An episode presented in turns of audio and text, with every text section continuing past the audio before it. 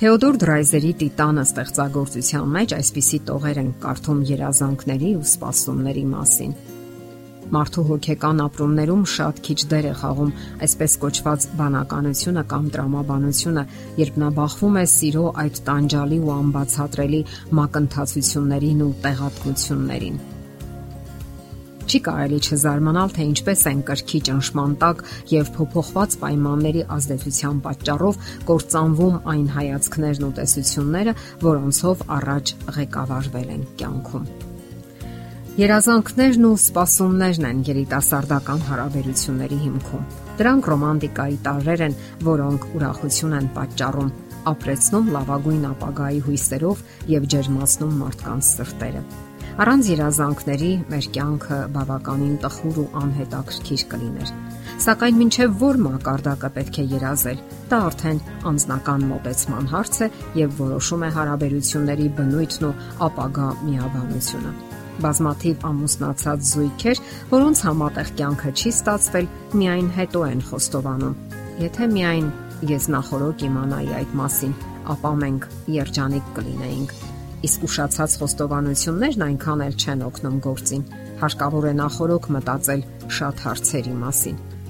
Պատանեկան երիտասարդական հասակում յուրաքանչյուր տղա կամ աղջիկ յենթագիտակցաբար կլանում է իր պատկերացումներն ու արժեքային համակարգը այն մասին, թե ինչպես է կառուցվում ընտանիքը, ինչպես են ընտրում կյանքի ընկերոջը, ինչպիսի պահանջներ է ներկայացնում կյանքն ընտանիքին, ամուսիններին, ծնողներին Սակայն շատ ցավալի է, որ այդ պատկերացումները բավականին հեռու են իրերի ճշմարիտ վիճակից եւ վերցված են խիստ կասկածելի աղբյուրներից կամ անպատասխանատու ընկերներից ու մտերիմներից։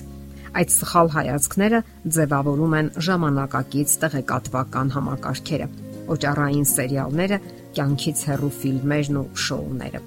Շատ դեռահասներ էլ իրենց արժեքները կառուցում են հետևելով ծնողների օրինակին Նրանք ներծծում են այն, ինչ լսել ու տեսել են սեփական ընտանիքներում, ինչ նկատել են ծնողների վարքագծում ու հարաբերություններում, որոնք ցավոտ շատ հեռու են լավագույնը լինելուց։ Սակայն դեպքերի մեծ մասում նրանք ընտրում են դա որպես կյանքի կանոն եւ հետագայում հենց այդպես էլ վարվում են։ Այո, երիտասարդները միանգամայն անպատրաստ են կյանք մտնում Նրանք պատրաստ չեն ընդունելու կյանքի հարվածները, որոնք անկախ իրենց ցանկությունից ներխուժում են իրենց ընտանիք որպես ստորջրյա խութեր, որովհետև սխալ պատկերացումներն են ձևավորել երիտասարդական երազանքներն ու սպասումները։ Հարցումներից մեկի ժամանակ այսպիսի տվյալներ են ստացվել, թե ինչպիսին պետք է լինի իրենց ապագա ամուսինը կամ կինը։ Ես ցանկանում եմ, որ իմ ապագա կինը լավ ճաշ պատրաստի եւ հիանալի տանտիրուհի լինի Իմ ապագա ամուսինը պետք է լինի բարձրահասակ ու համակրելի։ Ես ամբողջ կյանքում зерքերիս վրա եմ տանելու իմ ապագա կնոջը։ Ինձ հարկավոր է բարի եւ ուրախ բնավորությամբ տղամարդ։ Եթե նա ձանձրալի եղավ, ես չեմ դիմանա։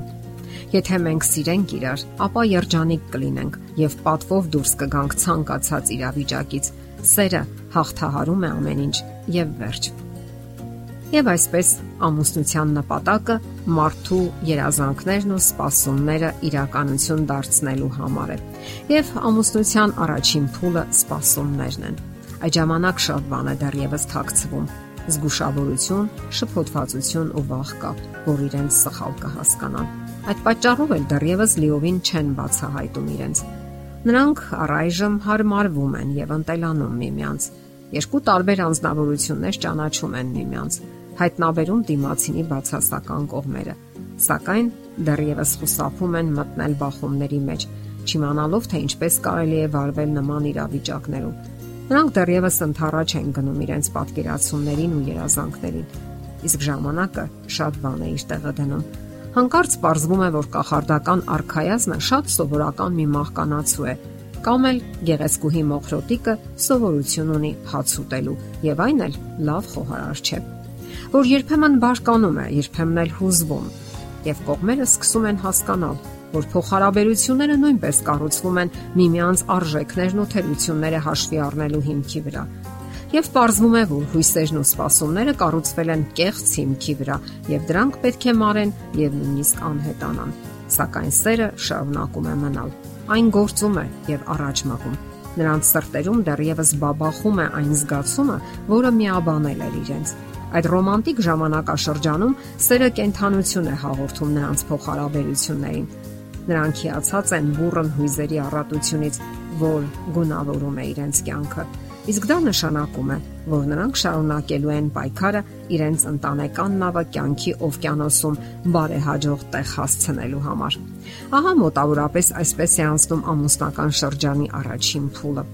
Գալիս են դժվարությունները, եւ դա սпасելի եւ անխուսափելի է։